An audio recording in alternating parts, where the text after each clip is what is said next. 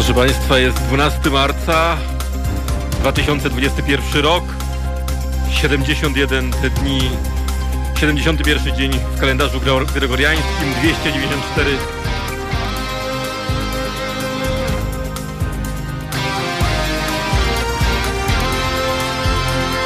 Tu Halo Radio. Mówimy wszystko. Zaczynamy Halo Komentarze. Proszę Państwa, dziś w Halo Komentarzach gościem tradycyjnie będzie już redaktor naczelny dziennika Rzeczpospolita Bogusław Hrabota, z którym rozmawiać będziemy o mm, sytuacji w y, koalicji, zwłaszcza w porozumieniu, gdzie dzisiaj miał, miała miejsce dość istotna okoliczność procesowa. O tym będziemy mówić. Porozmawiamy także o walce z koronawirusem, z pandemią i o tym, czy nasz rząd y, postępuje w sposób skuteczny, czy działa, czy radzi sobie z y, pandemią, która znowu notuje niebezpieczne, bardzo niepokojące wzrosty zakażeń. To za chwilę, a teraz y, nasze ogłoszenia i muzyka.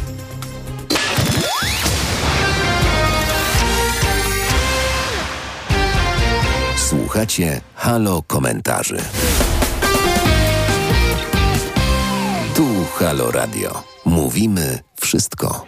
Tak jak Państwu wcześniej anonsowałem, dzisiaj naszym gościem będzie redaktor naczelny dziennika Rzeczpospolita, Bogusław Hrabota. Czekamy na połączenie z nim, a rozmawiać będziemy między innymi o pandemii koronawirusa, o tym, że wskaźniki, statystyki znów w sposób bardzo niepokojący rosną.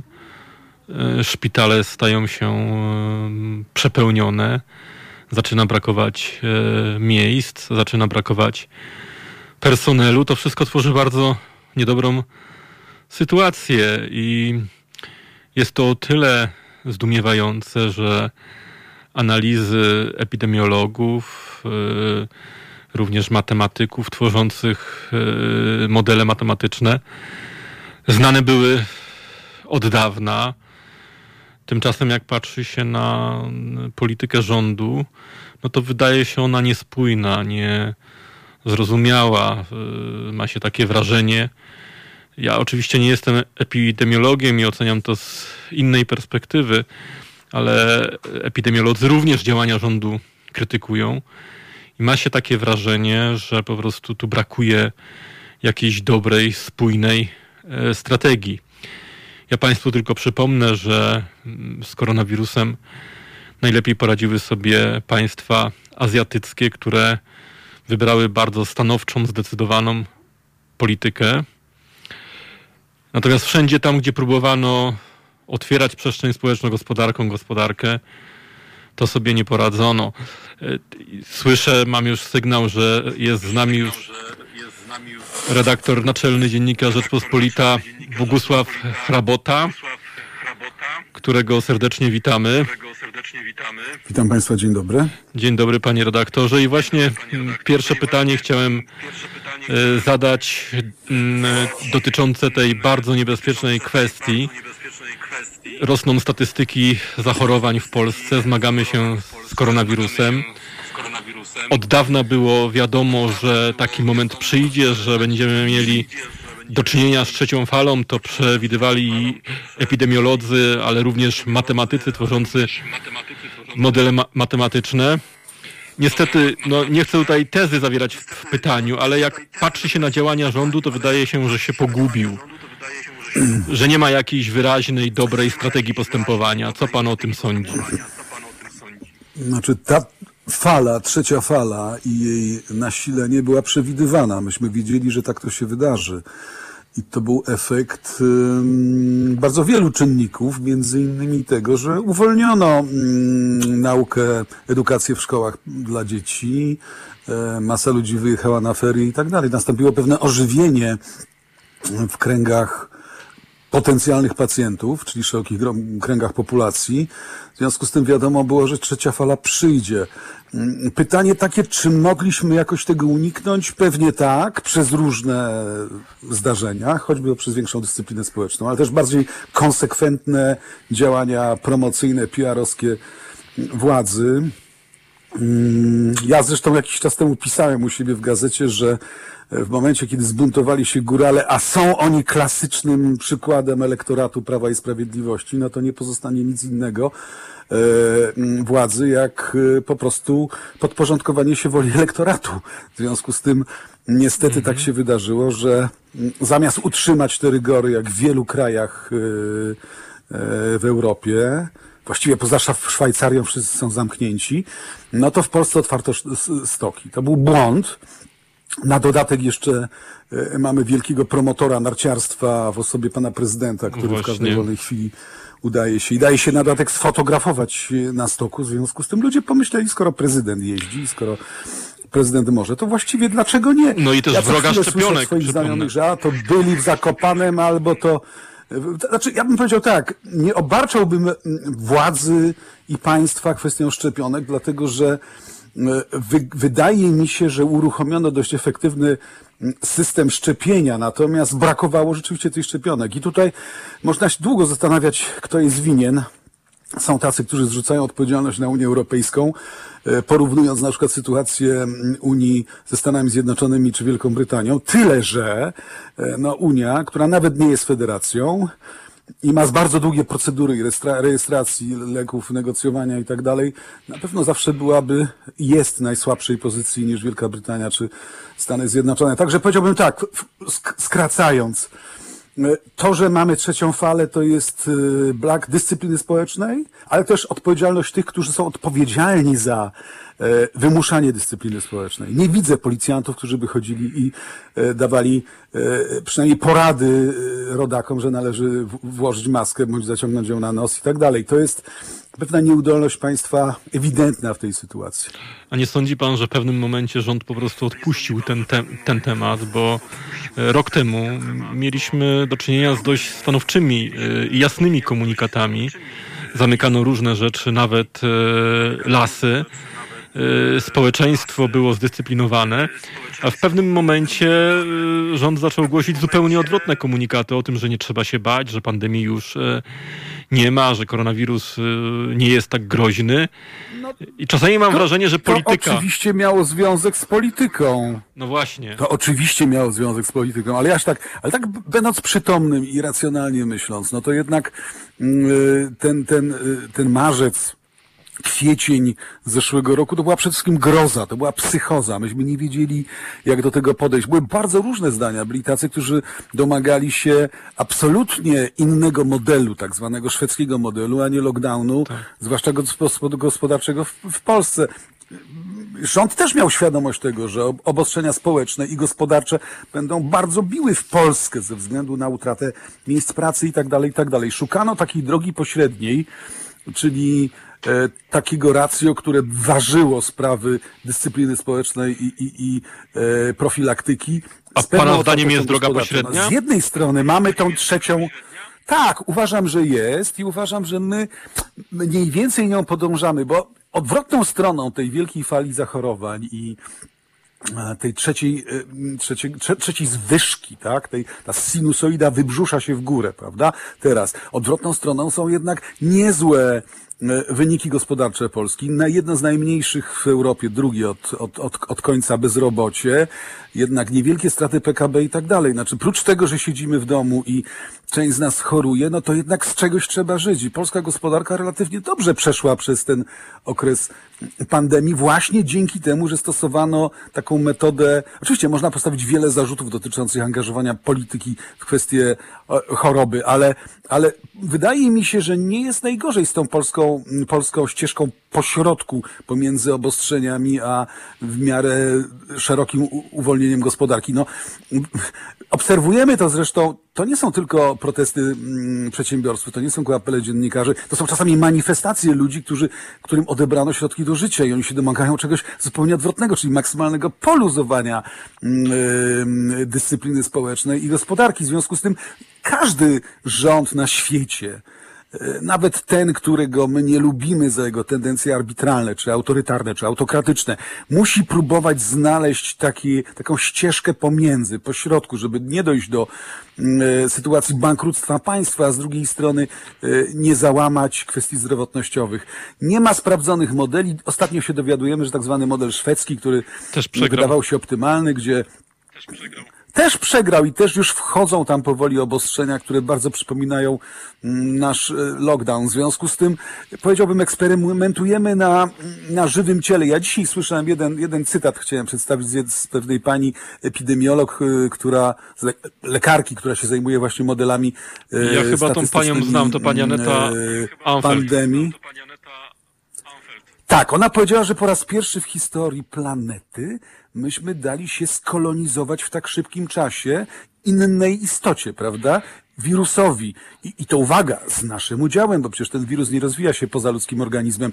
To myśmy sami sobie to zafundowali właśnie przez loty samolotem, przez kontakty społeczne, przez podawanie ręki, przez nienoszenie maseczek i tak dalej. Ale nie ona jest powiedziała to sytuacja jeszcze coś innego. gdzie można powiedzieć że gdyby y, działanie tak. rządu było bardziej zdecydowane, bardziej stanowcze, gdyby restrykcje były y, mocniej egzekwowane, to o jedną, trzeciej ofiar, jedną trzecią ofiar byłoby mniej. Jedną trzecią ofiar byłoby mniej. Mniej więcej. Ja słuchałem tej rozmowy ja jednej trzeciej, bądź jednej czwartej, bądź jednej piątej. Nikt nie jest w stanie tego rozstrzygnąć, ponieważ nie ma takiego mądrego, kto by znał liczby w sytuacji gdyby, jakby i tak dalej. Natomiast ona stoi po stronie epidemiologów, którzy domagają się maksymalnej dyscypliny społecznej, ograniczenia kontaktów społecznych, ale jest druga strona. Tak, tak. To są na przykład przedsiębiorcy, to są pracownicy, to są ludzie, którzy muszą z czegoś żyć. I państwo nasze jest na tyle niewydolne, że nie jest w stanie świadczyć efektywnej pomocy ludziom, którzy tracą pracę przez 12 miesięcy. To prawda, ale... Artystom na przykład, którzy dostali... Z drugiej strony mamy propozycję Konfederacji, która mówi otworzyć całkowicie gospodarkę gospodarkę. No właśnie, czyli powiedziałbym tak, debata trwa, bardzo szerokie pole argumentów, bardzo, bardzo szeroka dyskusja.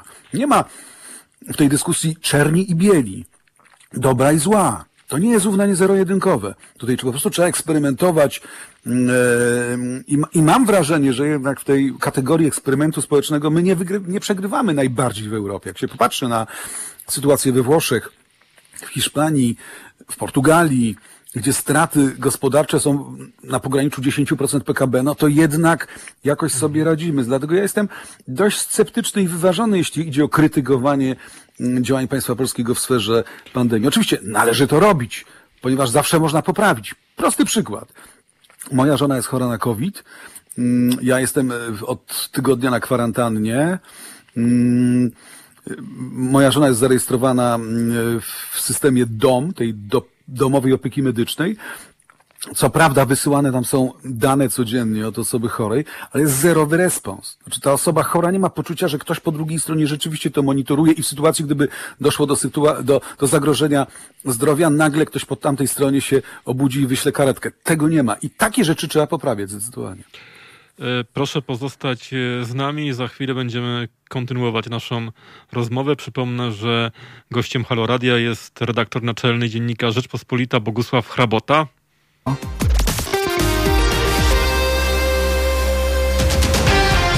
Słuchacie Halo Komentarzy. Przypomnę Państwu, że naszym gościem jest e, Bogusław Hrabota, redaktor naczelny dziennika Rzeczpospolita i szef chyba Izby Wydawców Polskich, y, doświadczony, wieloletni dziennikarz, który pracował również w telewizji i rozmawiamy dzisiaj z nim o pandemii koronawirusa, o y, działaniach rządu, a także o tym, czy nasz rząd radzi sobie skutecznie z pandemią. Czy mamy już połączenie z, mamy już połączenie, słyszę, z redaktorem Hrabotą. Tak. tak. Przy okazji proszę przekazać żonie najserdeczniejsze życzenia zdrowia od załogi Bardzo dziękuję. Halo Radia i od wszystkich słuchaczy. Trzymamy kciuki za e, pana żonę i pana. E, Ja jeszcze w tym bloku jedno pytanie dotyczące koronawirusa, bo wspomniał Pan o Unii Europejskiej. Ja tak sobie myślę, to jest taka trochę socjologiczna, głębsza refleksja, czy ta pandemia nie pokazała nam, że Europa jest jednak za płytko zintegrowana, czy nie zawiodła tutaj koordynacja działań, czy nie powinniśmy integrować się głębiej? No cóż, to będzie bardzo niepoprawne politycznie, co powiem, z perspektywy władzy, ale ja mam właśnie takie przekonanie. Uważam, Ja też. że uważam, że jesteśmy na ścieżce integracji mm, w Europie. E, Nie jest to pierwsza wspólnota, która się integrowała. Pamiętajmy, że Stany Zjednoczone integrowały się jako państwo dużo dłużej, bo e, ta integracja była właściwie od końca wojny wyzwoleńczej, prawda? E, Do włączenia do aneksji Teksasu, a potem jeszcze była wojna secesyjna, która zlikwidowała ostatecznie napięcia, przynajmniej część napięć politycznych w Stanach Zjednoczonych, co prawda kosztem południa, ale jednak. Mm, Także ta procesy integracyjne, one są w naturze dużych społeczności e, upadabniających się do siebie. Jest takie pojęcie jak konwergencja, nie tylko w Tak. naukach społecznych, ale, ale my poddajemy się tutaj w Europie pro, e, takiej, takiemu procesowi konwergencji, czyli upadabniania się do siebie społeczeństw. To musi prowadzić do e, do większej integracji, czy to będzie fe- federacja, czy konfederacja, czy jakiś inny związek państw, nie wiemy. Natomiast e, no, te kroki już się dokonały, bo z jednej strony to jest e, włączenie e, do światowego obiegu pieniądza euro, czyli wspólnej waluty, z drugiej strony to jest e, Komisja Europejska z coraz większymi kompetencjami, po, poza tym Europejska Władza Sądownicza i tak dalej. Ten proces postępuje. Pytanie na jakich na jakich warunkach będzie postępował, jak będzie postępował dalej. No i tutaj mamy dwie ścieżki, z jednej strony państwa narodowe i ich związki, a z drugiej strony takie bardziej unifikujące się społeczeństwo europejskie, które będzie e, takie multina, mul- multinarodowe. E, krytyk powiedziałby multikulti. Nie wiem, nie wiemy, co się wydarzy w ciągu 20, 30 czy 50, a nawet 100 lat, natomiast na pewno będzie to e, taka próba sił pomiędzy integracją i dezintegracją. Inaczej, jeśli byśmy dzisiaj mieli na przykład podatek europejski, Mhm. e, czyli fiskalny mechanizm e, pozyskujący od obywateli Unii Europejskiej pieniądze na wspólny fundusz, to tego typu zakupów, e, mm, e, zakupów szczepionek można by było dokonywać w oparciu o ten mechanizm, o ten, o ten fundusz mm, bezpośrednio Unii Europejskiej. Natomiast y, no, wiemy, że jednak y, szczepionki kupują osobne państwa. Unia zapewnia tylko mechanizm y, kontraktowy z partnerami Unii oraz dystrybucję, ale już nie redystrybucję oraz nie zakupy. W związku z tym, y, gdyby to rzeczywiście było bardziej scentralizowane, co widzimy, widzimy dzisiaj w Wielkiej Tak. Brytanii czy w Sta- Stanach Zjednoczonych, to ten proces byłby szybszy, bardziej efektywny i tak dalej. No my płacimy em, jakiś rodzaj renty, myślę tutaj rentę, o rencie w sen- w sensie ekonomicznym, za niedostateczną integrację struktur europejskich i stąd te opóźnienia. Ale ja bym nie narzekał. No, to też się w miarę szybko dzieje. Jestem dobrej myśli, mam nadzieję, że, że ten proces się przyspieszy. Zresztą coraz więcej firm farmaceutycznych wchodzi do gry ze szczepionką, w związku z tym nic tylko kupować, dystrybuować, a my się szczepmy, szczepmy, szczepmy, chociaż jak, jak wiemy, nie wszyscy w to wierzą.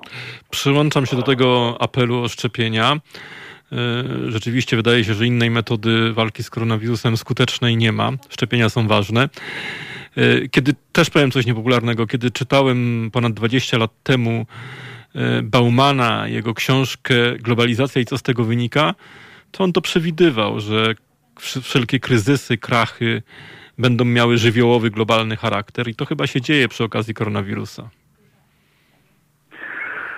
No tak, korona, koronawirus. Ja przywołam raz jeszcze tą e, błyskotliwą myśl pani doktor Apfel, tak się nazywa. Tak. E, Daliśmy się skolonizować po raz pierwszy w historii istocie, która się z nami mierzy.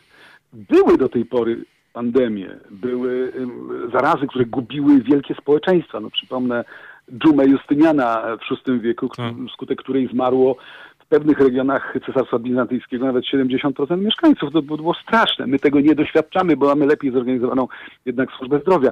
Natomiast tak szerokiej pandemii, która by objęła wszystkie kraje świata, gdzie wszędzie mm, y, zmuszała rządy do, do konfrontacji, do walki. To jest po raz pierwszy w historii. Nigdy tego nie było, my się uczymy. Uczymy się na błędach, bo nie da się inaczej uczyć. Ludzie się uczą na błędach, na sukcesach, ale również na błędach. Myślę, że za rok, dwa to będzie bardzo ważne zadanie dla, dla ludzkości, dla rządów, dla e, organizacji międzynarodowych, żeby dokonać bilansu, co nam się udało, co nie i poprawić te błędy, bo przecież tego typu zdarzenia będą się pojawiały częściej. Panie redaktorze, mamy gościa e, na antenie. Zadzwonił do nas i chciałby panu zadać pytanie. Bardzo proszę. Halo? Ha, halo, witam. Witam serdecznie. Tomasz. Żar. Ja mam takie pytanie. Skoro ta tak zwana epidemia, która od ponad roku jest wśród nas, prawda? Nie jest to znakiem tego, że te cykliczne epidemie będą się powtarzać na przykład co 100 lat. Co 100 lat. I mam taką propozycję w związku z tą pandemią, żeby ostrzec innych słuchaczy, gdybyśmy wszyscy wspólnie jako obywatele, żeby y, zwalczyć tą pandemię, żeby zakazać uczestniczenia w kościele we mszy.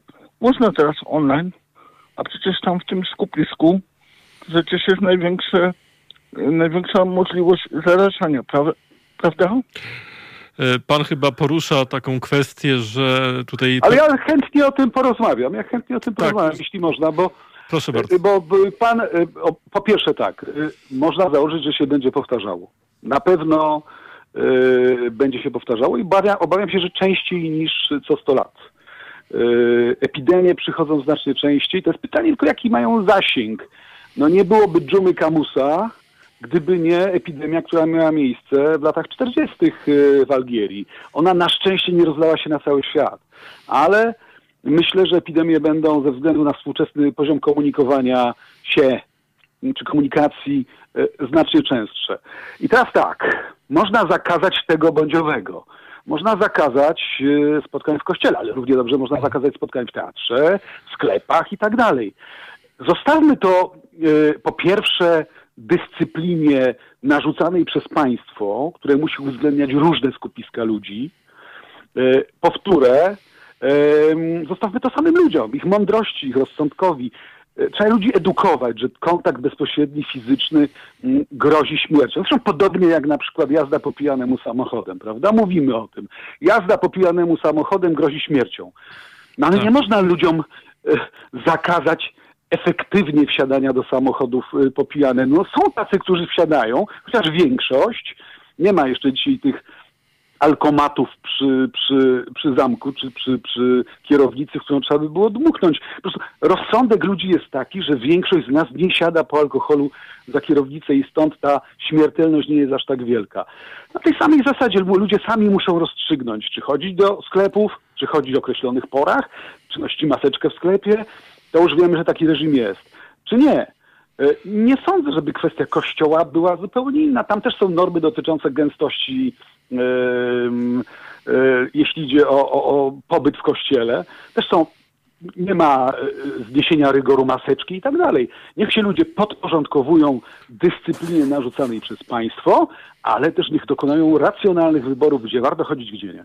Ja to powiem jako katolik, chociaż pewnie podpadnę Kościołowi, ale tu jednak była pewna niespójność w działaniach rządu, bo był Ale to czas, prawda, był tak, czas zgoda, że były galerie zgoda. zamknięte, zamknięte dalej są restauracje, siłownie, a kościoły są otwarte. To jest jednak pewna No tak, to- niespójność. To znaczy, ten rząd jest rządem prawicowym, ten, rząd jest, nic, w tym tajemnicy wielkiej nie ma, nic w tym dziwnego nie ma. Jest powiązany z Kościołem, współpracuje z Kościołem i tak dalej. Ko- Kościół ma pewne przywileje w tej sytuacji. Natomiast też byłoby dość niesprawiedliwe, żeby zakazać ludziom, którym to jest potrzebne, bo są ludzie, którym to jest realnie potrzebne, obecności mm, w takim miejscu jak Kościół. No. Mówię, zostawmy rozsądek ludziom, a reżimy i dyscyplinę niech, będą, niech będzie rozłożona równo.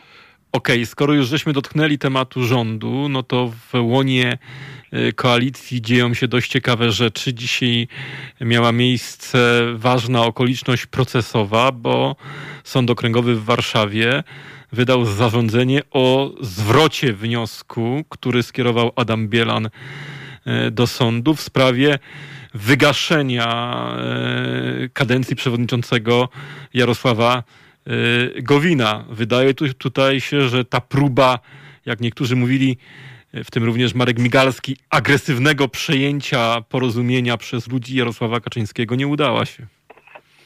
No ona się przede wszystkim dlatego nie udała, że dwunastu apostołów O. sprawiedliwych powiedziałby Gowin, e, chociaż te analogie nie są oczywiście całkiem na miejscu, e, zachowała wierność wobec osoby swojego lidera. No, mam wrażenie, że Adam Bielan obiecując Jarosławowi Kaczyńskiemu, bo pewnie taka obietnica została złożona, że przyniesie na tacy głowy Jarosława Gowina i przejmie porozumienie, no on się przeliczył. Nie, spo, nie spodziewał się tak dużej lojalności. Ale z drugiej strony, jak się patrzy na takich ludzi jak Wojciech Maksymowicz czy, czy, czy Sośnierz, to, to, to są ludzie poważni. To nie są młodzi, y, nieopierzeni politycy, którzy dla pieniędzy, benefitów, y, spółek i tak dalej y, zdradzą swojego lidera. Także myślę, że to był pierwszy fatalny błąd Bielana. Może nie wyczuł momentu, może to nie było przygotowane, może nie miał dostatecznie jeszcze ar- argumentów. Niemniej przeszarżował i zbyt szybko próbował dokonać tej zmiany. A cała reszta to są konsekwencje. Po pierwsze, Jarosław Kaczyński nadal rozmawia z Gowinem, nadal jego miejsce w koalicji jest y, honorowane, y, nie pozbył się go, nie usunięto go z rządu, jest ciągle wicepremierem i tak dalej. W związku z tym ta operacja już y, choćby na podstawie tych faktów y, moim zdaniem się nie powiodła. No a co do reszty, no to zobaczymy, to jest spór sądowy y, dotyczący kwestii statutu, kwestii argumentacji prawniczej. Wiem, że po obu stronach są bardzo poważne eksper- ekspertyzy Mhm. e, prawników. No to już są subtelności procesowe, których e, my nie znamy. Nie wiem, jaka jest, jakie jest uzasadnienie sądu co do wycofania tego, zwrócenia tego wniosku. Nieuprawniona No, strona wnosiła dopiero- takie uzasadnienie. Nie miał właściwości, żeby wnosić. Nie miał pod, nie miał, nie miał tytułu prawnego. tak, o, no, tak, to, tak. No, to, to, no to, to powiedziałbym jest bardzo mocny argument, Tak. bo podważono w ten sposób jego, jego rację. No, wyszedł na uzurpatora. No dokładnie, w związku z tym e, powiedziałbym, e, sąd spowodował, że e, jest chyba bliżej końca tej teleopery, tej telenoweli, przepraszam, opery mydlanej. E, chociaż oczywiście Bielan nie jest e, zawodnikiem lekkiej wagi, będzie się bronił. Zapewne będzie się odwoływał od tej decyzji sądu, e, będzie szukał dalej rozwiązań. To dla niego jest w pewnym sensie sprawa honorowa, bo to przecież on obiecał, że mm, odsunie Gowina od e, tego newralgicznego miejsca, jakim jest uczestniczenie w trójce liderów koalicji. A czy to poprawi atmosferę w koalicji, czy, czy usprawni jej działanie? Nie, czy nie będzie nie, miało? nie, nie, nie. Poprawić, z tego co wiem, relacje pomiędzy Jarosławem Gowinem i Jarosławem Kaczyńskim nie są dobre. Jarosław Gowin zarzuca Jarosławowi Kaczyńskiemu, że jednostronnie wypowiedział umowę koalicyjną. Mhm. Chodzi o to, że ludzie, którzy em, stracili poparcie partii, są nadal w rządzie, nie zostali wycofani z tego rządu, mimo żądań Jarosława Gowina. W związku z tym te relacje są bardzo złe. No ale jest coś ważniejsze od relacji, mianowicie wspólny interes polityczny, który e, te formacje wiąże. Dzisiaj Gowin nie ma żadnej alternatywy dla pozostawania e, w Zjednoczonej Prawicy. Ja nie sądzę, żeby ta sytuacja dzisiaj akurat, chociaż nie rozstrzygam, że za tydzień czy dwa się to nie zmieni, albo miesiąc, albo trzy miesiące, myślę, że ta sytuacja nadal taka, tak będzie trwała. Chyba, że któraś ze stron popełni błąd, wykona fałszywy ruch i, i, te okoliczności się zmienią. Ale tutaj mamy doświadczonych polityków po jednej i drugiej stronie. Jeden błąd Bielana wystarczy chyba na razie. Tu jeszcze jedna rzecz wyszła, tak już proszę o krótką, o krótką odpowiedź. To jest chyba kolejny przykład rozstrzygnięcia sądowego niekorzystnego dla PiSu, a więc ta próba przejęcia sądów, ona chyba jest nie do końca udana. No ale ja to zawsze powtarzałem. Każda, każda próba przejęcia wielkiej grupy ludzkiej, e, jeśli to nie jest totalitaryzm, bo nie żyjemy w totalitaryzmie, jest z góry skazana na e, porażkę, dlatego że no, no nie, nie będzie sędziów e, legionistów. Nie, nie staną się nagle żołnierzami, którzy będą z rukami po, po szwam e, kłaniać się wodzowi. No to, to I bardzo jednak dobrze, ten że, poziom że nie będzie. Sądów i sędziów w Polsce wciąż jest. E, proszę Państwa, Bogusław Hrabota, redaktor naczelny Rzeczpospolitej. Jeszcze raz proszę przekazać życzenia zdrowia żonie. Bardzo Życzymy dziękuję. wszystkiego najlepszego. Dziękujemy za ten dzisiejszy komentarz i słyszymy, widzimy się za tydzień. Miłego weekendu. Do widzenia Panu. Dziękuję nawzajem. Do widzenia. Dziękuję. A my, proszę Państwa, e, po chwili e, muzyki i ogłoszeń mm, powrócimy i w drugiej części będziemy rozmawiali również na mm, inne ważne tematy polityczne.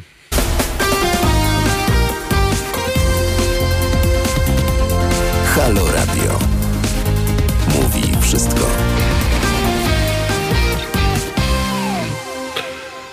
Pan Dariusz Wilk, którego serdecznie e, pozdrawiamy, zaapelował do mnie, żebym zdjął maseczkę, bo słychać jak się męczę. Ja, proszę Państwa, no jest to uciążliwe, muszę powiedzieć, i chętnie bym zdjął, ale już tłumaczyłem kilka razy, że jestem osobą, która cierpi na choroby współistniejące. Mm, Kilka lat temu, dokładnie w tej chwili będzie niedługo 9 lat temu, przeszedłem pęknięcie tętniaka aorty piersiowej. To powoduje, ten, to nie jest zakończona ta choroba, bo tam nie, nie został stengraf, na, nie będę do tego tłumaczył, na całym odcinku pękniętej aorty yy, wstawiony. I gdybym dzisiaj zakaził się koronawirusem, to moja sytuacja mogłaby być bardzo dramatyczna. Do tego z wielkim takim pietyzmem yy, kładę nacisk na to, żeby uważać. I Państwu również to mm, polecam. Yy, Zakładajcie maseczki nie gdzieś pod nosem, nie pod brodą, tylko mm, na twarzy. Utrzymujcie dystans społeczny. Yy, Stosujcie się do zaleceń epidemiologów, szczepcie się, bo to jest bardzo ważne. Ja nie zakładam, tak jak yy, skrajnie prawicowi politycy i Konfederacja, że pandemii nie ma, że pandemia jest y, jakimś wymysłem możnych tego świata, że jest spiskiem, że jest fałszywa. Uważam, że jest realna, ale nawet gdybyśmy hipotetycznie założyli, że jest fałszywa, w co nie wierzę, powtarzam, to obowiązuje zasada wyboru czy nastawienia się na najwyższe ryzyko. I tu przy tej okazji chcę powiedzieć, że to jest ten element, z którym w Polsce jest zawsze problem. My się nastawiamy na najmniejsze ryzyko, nie nastawiamy się na najwyższe ryzyko i to jest błąd. A państwo, jego służby, zwłaszcza w sytuacjach e, kryzysowych, w sytuacjach zagrożenia, powinno nastawiać się na najwyższe ryzyko. To jest dobra zasada amerykańskich jednostek specjalnych gdy prowadzą jakieś działanie, naj- na- nastawiają się na zasadę najwyższego ryzyka i mają kilka strategii e, działania w danej sytuacji, w danym zagrożeniu, ale również to, które dotyczy najwyższego ryzyka. Jeżeli ktoś jest przygotowany na najwyższe ryzyko, to w każdej innej sytuacji sobie mm, poradzi.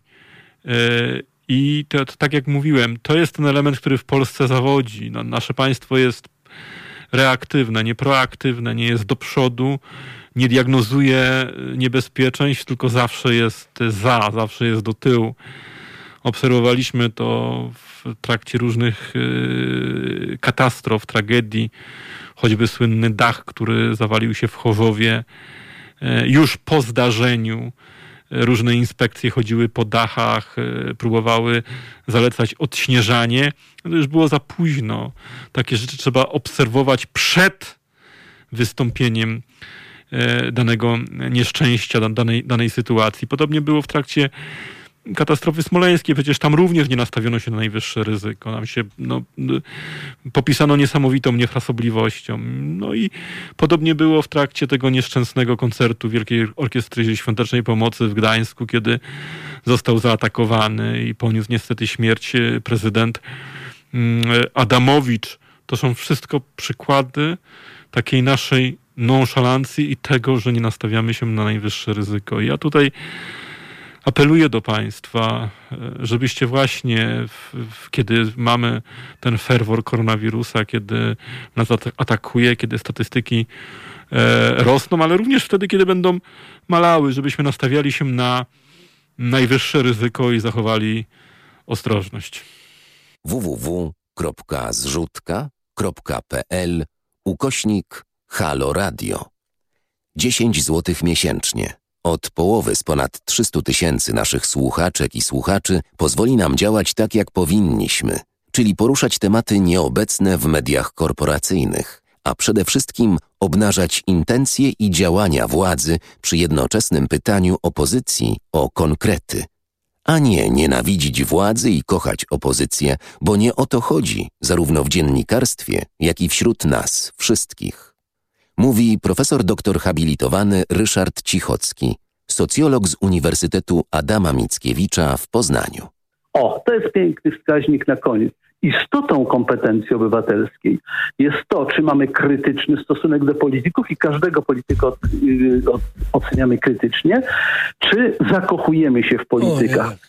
Zakochują się w politykach ludzie o małych rozumkach, bez kompetencji, prawda? Jak się zakochujemy, to już jest źle. Tak nieważne, kim ten polityk jest. Wszystkie informacje na temat możliwości wspierania Halo Radia, w tym płatności elektronicznych i zwykłych przelewów bankowych, na stronie www.halo.radio ukośnik SOS. Polecamy też nasze konto na www.zrzutka.pl ukośnik Halo Radio. Dziękujemy. Słuchacie Halo Komentarzy.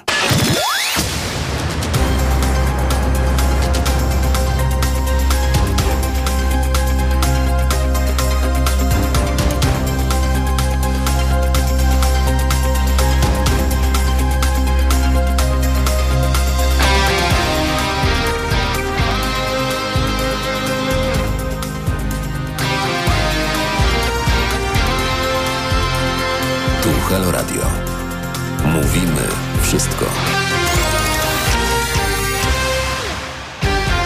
To są Halo Komentarze. Jest, proszę Państwa, 10 minut po godzinie 18. Realizuje nas Milena Krupińska. Milena to bardzo zdolna dziewczyna, gra na skrzypcach. Przed chwilą się właśnie tego dowiedziałem.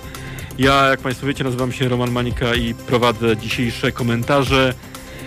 Yy, W kalendarzu jest 12 marca 2021 roku. Jest to 71 dzień w kalendarzu gregoriańskim. Do końca roku pozostały 294 dni. Imieniny obchodzą dzisiaj Alojzy, Bernard, Grzegorz, Inocenty, Józefina, Justyna, Maksymilian, Piotr i Teofan. Patrzymy na naszą kartkę z kalendarza. 8 lat temu, e, w roku 2013, właśnie 12 marca, po pierwszej w historii Kościoła e, rezygnacji papieża Benedykta XVI, rozpoczęło się konklawę, które wybrało obecnego papieża e, Giorgi Mario Bergoglio na papieża, który przybrał imię Franciszek. I 14 lat temu, proszę Państwa, e, parlament węgierski ustanowił dzień 23 marca Dniem Przyjaźni Polsko-Węgierskiej. Jak widzicie Państwo, patrząc na wydarzenia polityczne, ta przyjaźń trwa w najlepsze, nie zawsze z dobrymi konsekwencjami. To są Halo Komentarze.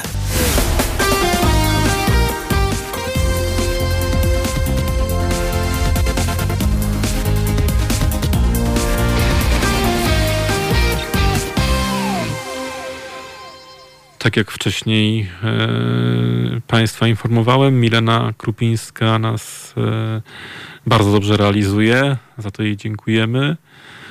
Ja mam przyjemność dla Państwa prowadzić tą audycję. Wcześniej naszym gościem był e, redaktor naczelny Rzeczpospolitej Bogusław Hrabota, który podzielił się swoimi refleksjami, swoim komentarzem. Mi przypadło w udziale prowadzić właśnie program komentarze. Już informowałem redaktora naczelnego, że będę chciał e, przyciągnąć na stałe również drugiego gościa w tej drugiej części. Jeszcze dzisiaj go nie ma, ale prowadzę w tej sprawie pewne rozmowy. No i będę chciał, żeby był to tak równie dobry komentator jak Bogusław Hrabota. Myślę, że już w następnym programie za tydzień będziemy mieli dwóch gości. W tej chwili jeszcze nie powiem, kto to będzie, ale mogę obiecywać, że na pewno gość w komentarzach się pojawi, również tą drugą część zagospodarujemy. A teraz no, odniosę się do tematyki dzisiejszej rozmowy, do tego, mm, co żeśmy tutaj poruszali. I taka jedna myśl, którą mogę tutaj e, Państwu przedstawić, to ja, mm, ja bardzo czekałem na tą wypowiedź redaktora Hraboty i też jak gdyby intencjonalnie zadałem mu to pytanie, bo, bo poważnie, podobnie uważam, i dobrze, że on to potwierdził, że pandemia koronawirusa obnażyła nasze słabości i uzmysłowiła nam bardzo mocno jedną rzecz. Potrzebę głębszej integracji w ramach Unii Europejskiej. E, ci, którzy do tej pory kwestionowali sensowność czy potrzebę integrowania się w ramach wspólnego państwa, w ramach Unii Europejskiej, ponieśli totalną porażkę. Koronawirus, a to pewno nie, nie jest na, największe nieszczęście, jakie mogło się e, pojawić, e, obnażył tego typu e, antyunijną czy eurosceptyczną argumentację i pokazał, że właśnie potrzebna jest koordynacja działań, potrzebna jest głębsza integracja. Ja pamiętam, kiedy miałem tutaj program swój autorski w jedną z sobot, chyba w lutym, kiedy mówiłem Państwu o globalizacji. Globalizacja jest bardzo mocno związana z integracją, a właściwie globalizacja wymusza integrację. Jest taka, takie założenie w filozofii polityki, w socjologii, że integracja jest ratunkiem przed zagładą. Integracja jest niezbędna z uwagi właśnie na e, globalizujący się świat. Ja wtedy mówiłem o dysjunkcji, powołując się na znanego mm, antropologa i socjologa Ariuna Apoduraja, jednego z najlepszych specjalistów na świecie o, od globalizacji, który właśnie, właśnie postawił diagnozę dysjunkcji, a więc rozszczepienia poszczególnych wymiarów, w którym świat y, funkcjonuje, polityki, ekonomii, kultury, y, w których rzeczy dzieją się z bardzo różną y, prędkością i potrzeba jest synchronizacji. To jest takie pochodzi, to, to, to jest termin zaczerpnięty z wojskowości. Mówi się tam o zagrożeniach asymetrycznych. Jednym z takich zagrożeń asymetrycznych jest terroryzm. Ale również koronawirus może być e, takim zjawiskiem, które jest rozumiane czy traktowane jako zagrożenie asymetryczne. Żeby świat radził sobie z tymi procesami, z tymi żywiołami, to trzeba osiągnąć e, synchronię. E, trzeba znowu to wszystko poukładać, żeby mogło e, funkcjonować. I do tego w zglobalizowanym świecie nie ma jak gdyby paralelności wymiarów. Ekonomia nie pasuje do polityki. Kultura nie pasuje do ekonomii, do polityki. To wszystko się można powiedzieć kolokwialnie, używając kolokwialnego języka, rozjechało. No i właśnie Mamy dzisiaj właściwie już mocno zintegrowaną y, ekonomię. Życie gospodarcze odbywa się w ramach y, świata.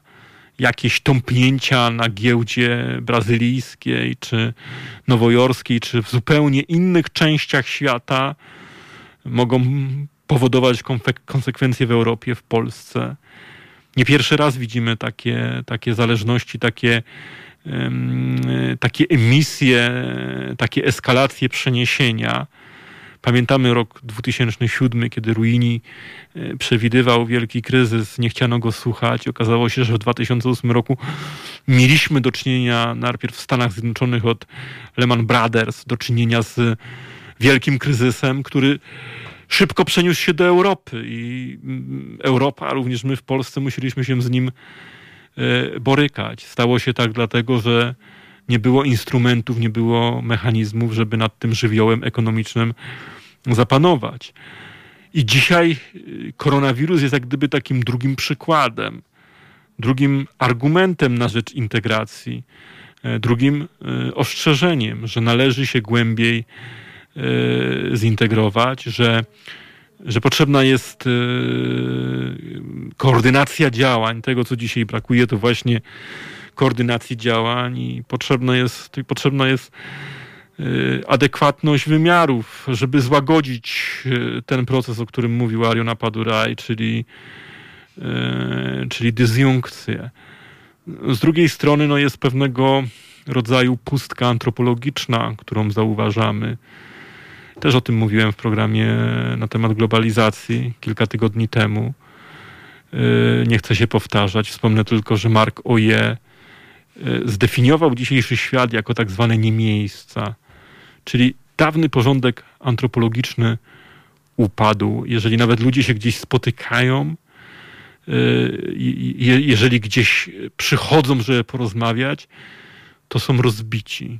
To ich tam właściwie nie ma, dlatego że różne mobilne urządzenia mm, pozwalają nam transcendować przestrzeń, przenosić się gdzie indziej, co powoduje, że jesteśmy rozproszeni, rozczłonkowani, nie ma nas w jednym E, świecie i jakość tych antropologicznych relacji się mocno e, obniża. Te miejsca antropologiczne, o których mówił Margo, je upadają.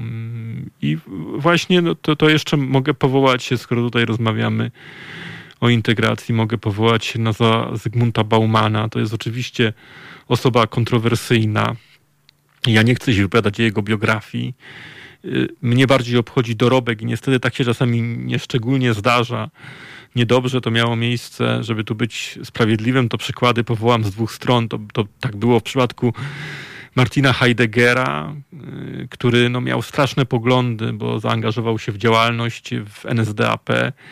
Podobnie było z Zygmuntem Baumanem, który działał po stronie komunistycznej w bardzo ponurych czasach i ja ich biografii nie, nie, nie chcę tutaj w żaden sposób gloryfikować, wręcz przeciwnie, ale zawsze staram się odróżnić y, dzieło od życiorysu. Czasami jest niestety tak, że życiorys jest ponury, życiorys jest negatywny, podły, a dorobek naukowy wielki. Tak się zdarza i no, obydwaj filozofowie, y, Bauman był również socjologiem, mieli wielki y, dorobek. No, byli to intelektualiści wielkiego, wielkiego formatu.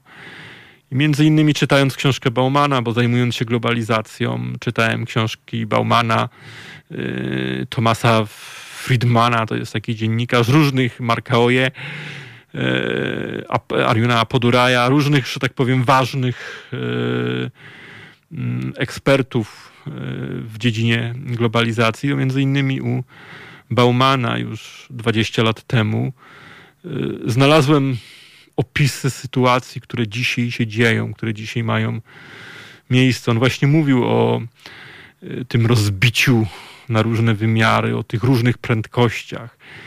Pamiętam, kiedy y, wybuchł kryzys w 2008 roku i później przyszedł do Europy w roku 2010, 2011 i kolejnych latach to ukuto takie pojęcie mm, Europy dwóch prędkości. I dzisiejszy świat można właśnie tak opisywać jako świat może nie dwóch, ale wielu prędkości. Tylko, że tu ma, to, ma, to, ma, to ma trochę jeszcze bardziej złożony, zniuansowany wymiar. Nie chodzi tylko o to, że poszczególne obszary świata pędzą z różną prędkością, bo również pędzą i na to też Bauman wtedy w swojej książce Globalizacja i co z tego dla ludzi wynika zwracał uwagę na tą polaryzację, że ta prędkość w różnych częściach, obszarach świata, także warstwach czy klasach społecznych nie będzie równa i ona nie jest równa i on to, on to przewidział. I tak to z jednej strony yy, po pierwsze tak można to, to, to, to, tą wypowiedź o wielu prędkościach rozumieć, że chodzi o to, że różne części świata, różne obszary pędzą z nierówną prędkością i to powoduje polaryzację. Ale jest jeszcze głębsze rozumienie świata wielu prędkości, że to, co ja bym nazwał wymiarami ludzkiego działania, wymiary ludzkiej, e, ludzkiej egzystencji, nie pędzą z równą prędkością, że zupełnie inną prędkość e, notujemy w wymiarze ekonomicznym, w wymiarze gospodarki, inną prędkość notujemy w wymiarze kultury i jeszcze inną prędkość notujemy w y, wymiarze polityki. Problem jest właśnie taki, że polityka porusza się najwolniej, że ta, ta prędkość polityczna jest najmniejsza, że tutaj jak gdyby świat funkcjonuje najwolniej. I żeby uratować się przed zagładą, przed kryzysami, żywiołami, kataklizmami, to trzeba dokonać integracji politycznej.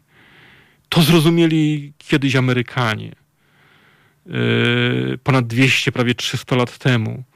Że potrzebna jest integracja, potrzebna jest budowa Unii, żeby właśnie poradzić sobie z, z różnymi globalnymi, wykraczającymi poza e, wymiar tradycyjnego państwa kryzysami. Żeby chodzi o budowanie instrumentów oddziaływania na właśnie ekonomię, na społeczeństwo, na życie społeczno-gospodarcze, społeczno-kulturowe. Wydaje się, że dzisiaj to dobrze rozumieją Chińczycy, którzy również są takim państwem kontynentalnym. Ten cel przyświęcał też wtedy, kiedy budowano Unię Europejską. Również tu chodziło o to, żeby zbudować narzędzia do, do opanowania różnych niebezpieczeństw żywiołów, gdyż dzisiaj, proszę Państwa, jak wiecie, sukces ma globalny charakter. Mamy dzisiaj do czynienia z bardzo spektakularnymi sukcesami, które y, szybko ich, ich, ich propagacja, proliferacja następuje w ramach y, globu. No ale niestety jest i druga strona medalu. Mamy do czynienia z globalnymi krachami, z globalnymi kryzysami, z globalnymi kataklizmami i nie potrafimy ich koordynować, nie potrafimy sobie z nimi radzić, dlatego że nie zbudowaliśmy instrumentów, zwłaszcza na Starym Kontynencie nie, nie, nie zbudowaliśmy yy, tych instrumentów. I to jest ta diagnoza, którą ja dzisiaj chciałem postawić. Wcześniej mówił o tym yy, Bogusław Hrabota. Yy, i powiedział, że on powie coś niepopularnego. Czy w moich oczach powiedział rzecz bardzo popularną i ja mu za to dziękuję, że tak powiedział, bo się w pełni z tym zgadzam. Mogę powiedzieć więcej. Moja koncepcja integracji europejskiej jest bardzo daleko idąca. Yy, ja myślę, że powinniśmy pogłębić tą integrację, budować wspólne społeczeństwo, budować wspólne instytucje. Kiedyś zrobię o tym program, mam sporo pomysłów na ten temat. Ja uważam, że po pierwsze, wreszcie czas, żeby Europa miała swojego prezydenta. Już dawno prezydent Truman, zaraz po wojnie, mówił: Dajcie mi numer telefonu do prezydenta Europy, do kogo mam zadzwonić. No i tego prezydenta Europy przez długi czas nie było. I do dzisiaj nie ma. Jest tam jakaś imitacja w postaci przewodniczącego Rady Europejskiej, a to nie jest to samo. Potrzebny jest taki prezydent, który zjednoczy Europę. Potrzebne są, proszę Państwa, trzy elementy i o tym, o, o tym powiem. Potrzebny jest prezydent, który zjednoczy Europę, który będzie wybierany w dobrym modelu wyborczym przez wszystkich Europejczyków. Potrzebna jest konstytucja europejska, bo to, co dzisiaj możemy zbudować, to patriotyzm y, konstytucyjny. O tym dużo pisał Jürgen Habermas właśnie, że czas państw narodowych minął. Nadchodzi czas kosmopolityzmu i dzisiaj patriotyzm ma inne wektory, inne wartości, można go wokół konstytucji budować. I trzecią rzeczą, która jest potrzebna, to wspólna armia. Ja uważam, że Europa powinna się podjąć budowania wspólnej armii, wspólnego wojska, bo to dałoby nam powody do dumy i to by nas także mocno zintegrowało. Za chwilę dalej będę o tym Państwu y, opowiadał. www.zrzutka.pl ukośnik Halo Radio 10 zł miesięcznie. Od połowy z ponad 300 tysięcy naszych słuchaczek i słuchaczy pozwoli nam działać tak, jak powinniśmy, czyli poruszać tematy nieobecne w mediach korporacyjnych, a przede wszystkim obnażać intencje i działania władzy przy jednoczesnym pytaniu opozycji o konkrety. A nie nienawidzić władzy i kochać opozycję, bo nie o to chodzi, zarówno w dziennikarstwie, jak i wśród nas wszystkich. Mówi profesor doktor habilitowany Ryszard Cichocki, socjolog z Uniwersytetu Adama Mickiewicza w Poznaniu. O, to jest piękny wskaźnik na koniec. Istotą kompetencji obywatelskiej jest to, czy mamy krytyczny stosunek do polityków i każdego polityka od, yy, od, oceniamy krytycznie, czy zakochujemy się w politykach. Zakochują się w politykach ludzie o małych rozumkach, bez kompetencji, prawda? Jak się zakochujemy, to już jest źle. Tak nieważne, kim ten polityk jest. Wszystkie informacje na temat możliwości wspierania Halo Radia, w tym płatności elektronicznych i zwykłych przelewów bankowych, na stronie www.halo.radio ukośnik SOS. Polecamy też nasze konto na www.zrzutka.pl ukośnik Halo Radio. Dziękujemy. Słuchacie Halo Komentarzy. Tak więc głębsza integracja w ramach Unii Europejskiej i kilka ważnych czynników, kilka elementów. O trzech już powiedziałem. Prezydent wybierany przez e, Europejczyków w wyborach bezpośrednich. Można zastanawiać się nad modelem, czy to mają być typowe wybory bezpośrednie, czy jakiś system elektorski, który by zniwelował przewagi yy, różnych wspólnot państw, no bo wiadomo, że kraje, które się jednoczą, nie są równe i tu by trzeba było dobry mechanizm wprowadzić, który by nie rozbijał Unii Europejskiej, a łączył. Po drugie, mm, konstytucja, no to jest myśl Jurgena Habermasa, żeby budować Europę w oparciu o wartości konstytucyjne. Trzeci element to armia. Y, ja myślę, że Europa powinna rozpocząć budowę nowoczesnej, silnej armii, która byłaby w stanie zapewnić nam dumę i bezpieczeństwo i bronić nas przed różnymi zagrożeniami. Oczywiście instytucje, y, nie tylko instytucje państwa, struktury państwa, również instytucje kultury, instytucje społeczne, wspólnota społeczna konsekwentnie budowana. No i oprócz tego media o zasięgu europejskim i tak dalej. Wszystko to, co integruje, co, co tworzy wspólnotę. Wiem, że mamy gościa, że ktoś zadzwonił do nas, a więc ja się w ogóle cieszę, że Państwo dzwonicie, że jesteście aktywni. Chcę, żeby tak było, żebyście Państwo dzwonili, bo was, Wasz głos jest bardzo istotny, bardzo ważny. Jest to część debaty publicznej, a więc każdy telefon witam z dużym zadowoleniem. Halo? Halo, dzień dobry. Witam serdecznie pana Dawida. Tak, dzień dobry. Dzień dobry. E, ja tutaj mam e, do tego, co pan mówi, parę wątpliwości i niech je pan, e, jakby pan mógł wyjaśnił, bo e, w kontekście tej integracji. Jedną z takich moich wątpliwości, i myślę, że jest ciężko jest to całkowicie zdyskredytować, jest ten aspekt, że, że e, tak jak Europa Zachodnia, ma przewagę nad Polską, ma przewagę posiadania kapitału, tak? Mhm. E, posiadania korporacji, tak? E, Polska ma przewagę tego, że ma tanią siłę roboczą, tak? I miała przez wiele lat. No powiedzmy, że jeszcze ma. No powiedzmy, tak?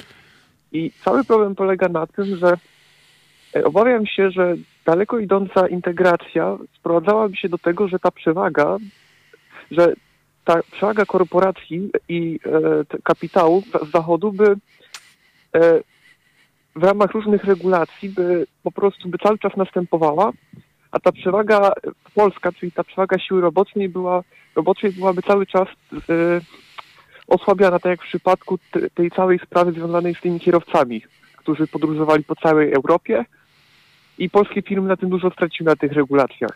Bo ja się obawiam po prostu takiej jednej rzeczy, że daleko idąca integracja i, i to, że do, dochodzi, że bardzo wiele aspektów byłoby decydowanych y, w Brukseli na przykład, y, skończyłoby się w ten sposób, że Polska byłaby, ja nie, wiem, czy coraz biedniejsza, tylko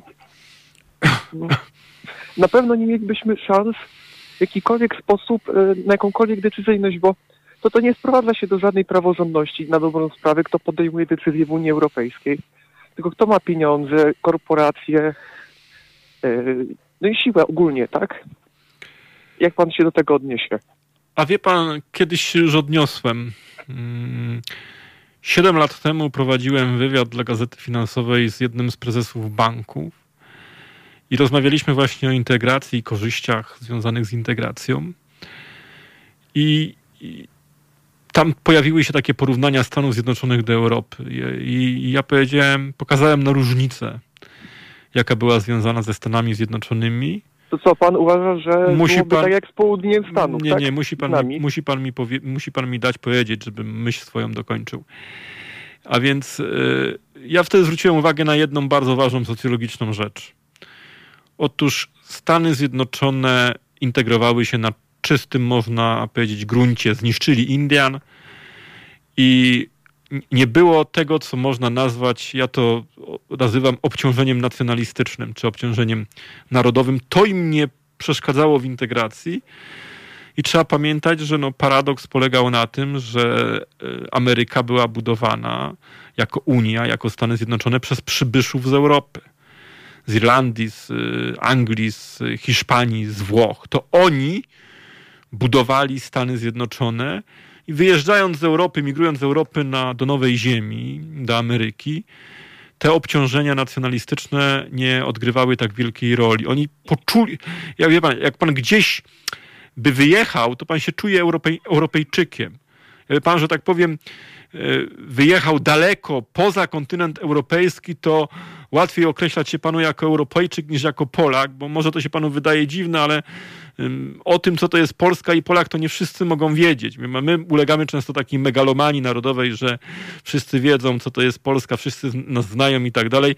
Ja oczywiście doceniam bardzo swój kraj i swoją historię, ale to nie jest tak, że wszyscy o nas wiedzą i ludzie się orientują na bardziej ogólne tożsamości, czyli na Europę. I oni, oni tutaj w Europie byli Włochami, Hiszpanami, Irlandczykami, Brytyjczykami, a kiedy wyjechali do Stanów Zjednoczonych, stali się Europejczykami i tam, redukując te obciążenia narodowe, zwłaszcza w następnych pokoleniach, łatwo im było Amerykę budować. To jest taki socjologiczny element.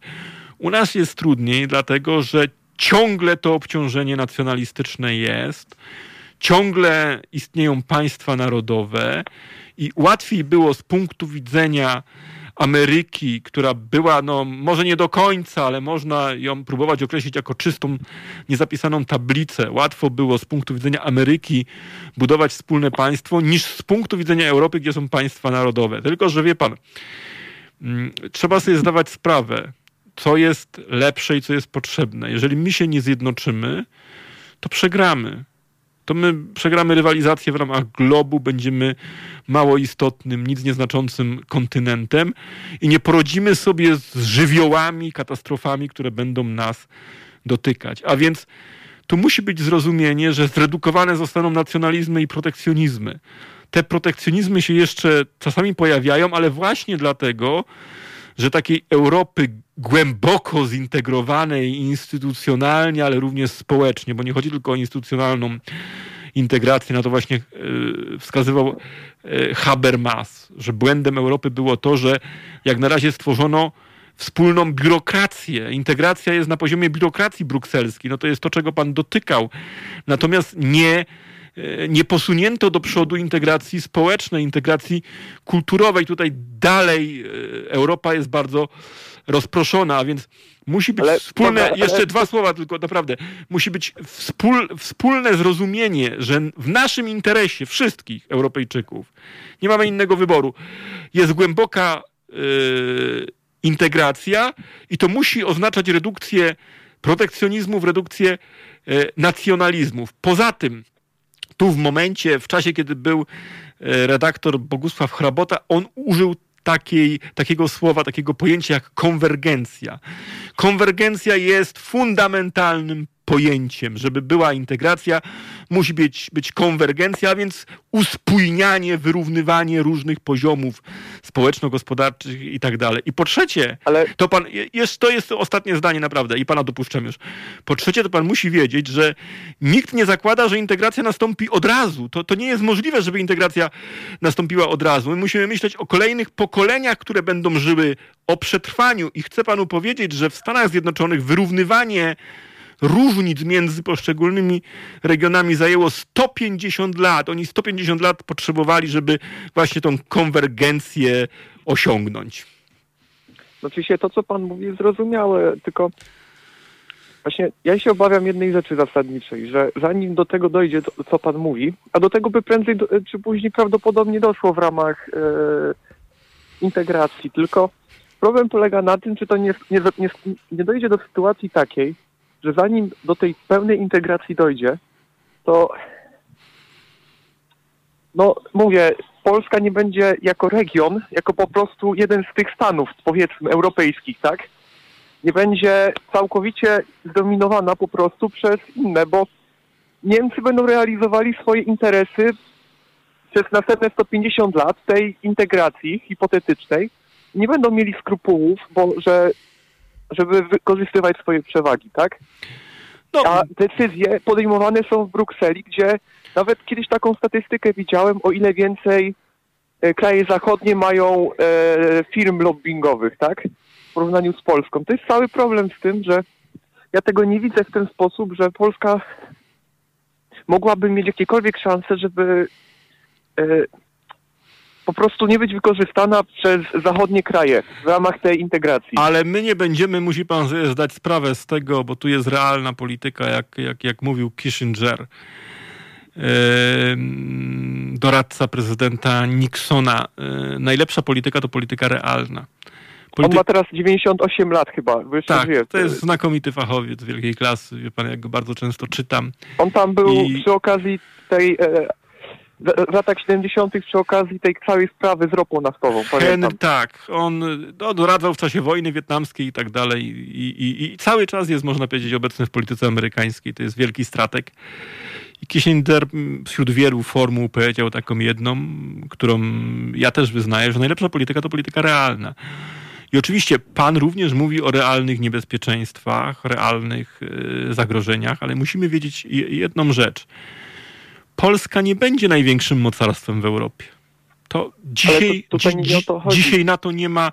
My możemy być, proszę pana, na dobrym miejscu. Je, jeżeli nie będziemy prowadzili awanturniczej polityki izolacji, takiej jak dzisiaj, i kwestionowali Europy, y, to Polska może być w elicie państw europejskich, na to ją stać. Ja uważam, że w naszym interesie nie jest walka z Niemcami, tylko współpraca z Niemcami. Ja, jak pan może wie, nawet lansowałem i lansuję dalej taki program wspólnej organizacji Mistrzostw Świata, jako wydarzenia, wokół których Niemcy i Polacy mają się pojednać, mają się y, przybliżyć. Musi pan wiedzieć, że w tym, że czasami Niemcy zachowują się w sposób egoistyczny czy protekcjonistyczny, to po pierwsze nie jest jedyna prawda o Niemcach, bo Niemcy włożyli dużo sił, pieniędzy, inwencji, zapału, intelektu, żeby Europę jednoczyć. To jest również ich projekt i oni tu odgrywają bardzo ważną e, rolę. Oczywiście mają w tym interes, ale, ale, ale również włożyli dużo e, od siebie, żeby Europę jednoczyć, a poza tym trochę oni, oni zachowują się w ten sposób, bo, bo, bo my też nie, nie zachowujemy się jak sojusznik, jak dobry sąsiad. Musimy też uderzyć się w własne piersi. Ale jest jedna fundamentalna rzecz. Jeżeli w Europie nie zwycięży świadomość, ta, o której pisze Habermas, przecież to jest niemiecki socjolog i, i, i filozof, y, jeden z przedstawicieli szkoły frankfurckiej, kontynuator Adorno i Horkheimera. Jeżeli nie będzie zrozumienia że... Szkoła frankfurcka to chyba tam marksistowska częściowo, nie? Ale proszę pana... Znaczy, tak, ona chyba miała takie... To jest szkoła marksistowska, ale wie pan, marksizm marksizmowi nierówny, no tutaj nie... Porozma... Nie, nie, ja, ja, z panem, ja z panem nie ten, tylko tak, tak sobie dla wspomnienia. Chyba, tutaj nie porozmawiamy o marksizmie do tego, żeby to nam zajęło tak, tak. do... Wiem, wiem, już nie, nawet nie następnego rana, tylko do... Ja może do, do, do rana w niedzielę byśmy musieli rozmawiać. Marksizm ma nie jedno oblicze, to akurat szkoła frankfurcka, to jest, ja uważam, ta dobra wersja marksizmu mocno zreformowanego. Oni wprowadzili dużo słusznych e, definicji, diagnoz do polityki. I to, co zarzuca im dzisiaj między innymi skrajna prawica, że to jakiś e, niebezpieczny prąd filozoficzny, czy niebezpieczna filozofia, to jest absolutnie nieprawda. Ja muszę zmierzać do konkluzji. Powiem panu tak. Wszystkie zagrożenia, które pan podniósł, są ważne i to są ryzyka. Trzeba o nich pamiętać, bo trzeba uprawiać politykę realną. Ale realne również jest to, i to będzie moja konkluzja, że w dobie globalizacji, procesów, które zachodzą, tego rozczłonkowania, dysjunkcji y, świata i różnych jego wymiarów, o której mówił y, Apoduraj, tego upadku antropologicznego, który opisywał oje, tego, na co zwracał Houghton uwagę, czyli, czyli zagrożeń konfliktów ideologicznych. Bez głębokiej integracji my tego wszystkiego nie zdołamy opanować, nie będzie instrumentów, żeby kontrolować te żywioły i przegramy. Europę stać na to, żeby odgrywać pierwszoplanową rolę na świecie, a niestety w tej chwili tak nie jest. Wyprzedzają nas Chiny, wyprzedza nas Ameryka i trzeba pozycję Europy odbudować, a droga do tego również dla naszego, do naszego dobrobytu, i również dla naszego bezpieczeństwa, bo Unia Europejska jest również projektem bezpieczeństwa. Droga do tego prowadzi przez głęboką e, integrację. Po prostu ten projekt, który rozpoczęli Alcido de Gasperi, Konrad Adenauer, e, Robert Schuman, e, w jakiejś mierze również de Gaulle, e, trzeba kontynuować. Innej drogi, dro, drogi nie ma. To jest po prostu jedyna, jedyna dobra droga, która nas może uratować. Już musimy kończyć. No jedno słowo, proszę e... bardzo. Halo? Czy, czy, czy uważa pan, e, że generalnie świat zmierza właśnie w, kilka różnych bloków, bo jeszcze powstała ta Unia Azjatycka, e, Unia no, czy nie, nie, zmierza to tak, że będą cztery bloki tak naprawdę? BRICS i tak e, dalej. E, po, wie pan, ja tak już muszę zakończyć ostatnim zdaniem to. Po prostu z, z, ze spolaryzowanego układu, z którego później się wyłoniło jedno mocarstwo Ameryka, dzisiaj powstał świat poliarchiczny, czyli bardzo mocno zróżnicowany. Jest kilka ośrodków rzeczywiście, które walczą o, o dominację. To tyle, proszę Państwa, dzisiaj. Bardzo Panu dziękuję za ten głos. Musimy już y, kończyć nasze do komentarze. Do widzenia, do usłyszenia. Państwa zapraszam na mój program. Y, jutro będziemy rozmawiać o tym, dlaczego ludzie tak łatwo wierzą w y, różne mity, które są rozpowiadane na temat koronawirusa i, i, i tego, że jest to niegroźne zjawisko. I będziemy również mówili o dwuznacznym wpływie nauki na życie. To tyle. Zapraszam Państwa jutro, a dzisiaj już życzę e, dobrego wieczoru i, i do usłyszenia, do zobaczenia. To były Halo Komentarze. Na kolejny program zapraszamy w poniedziałek o godzinie 17.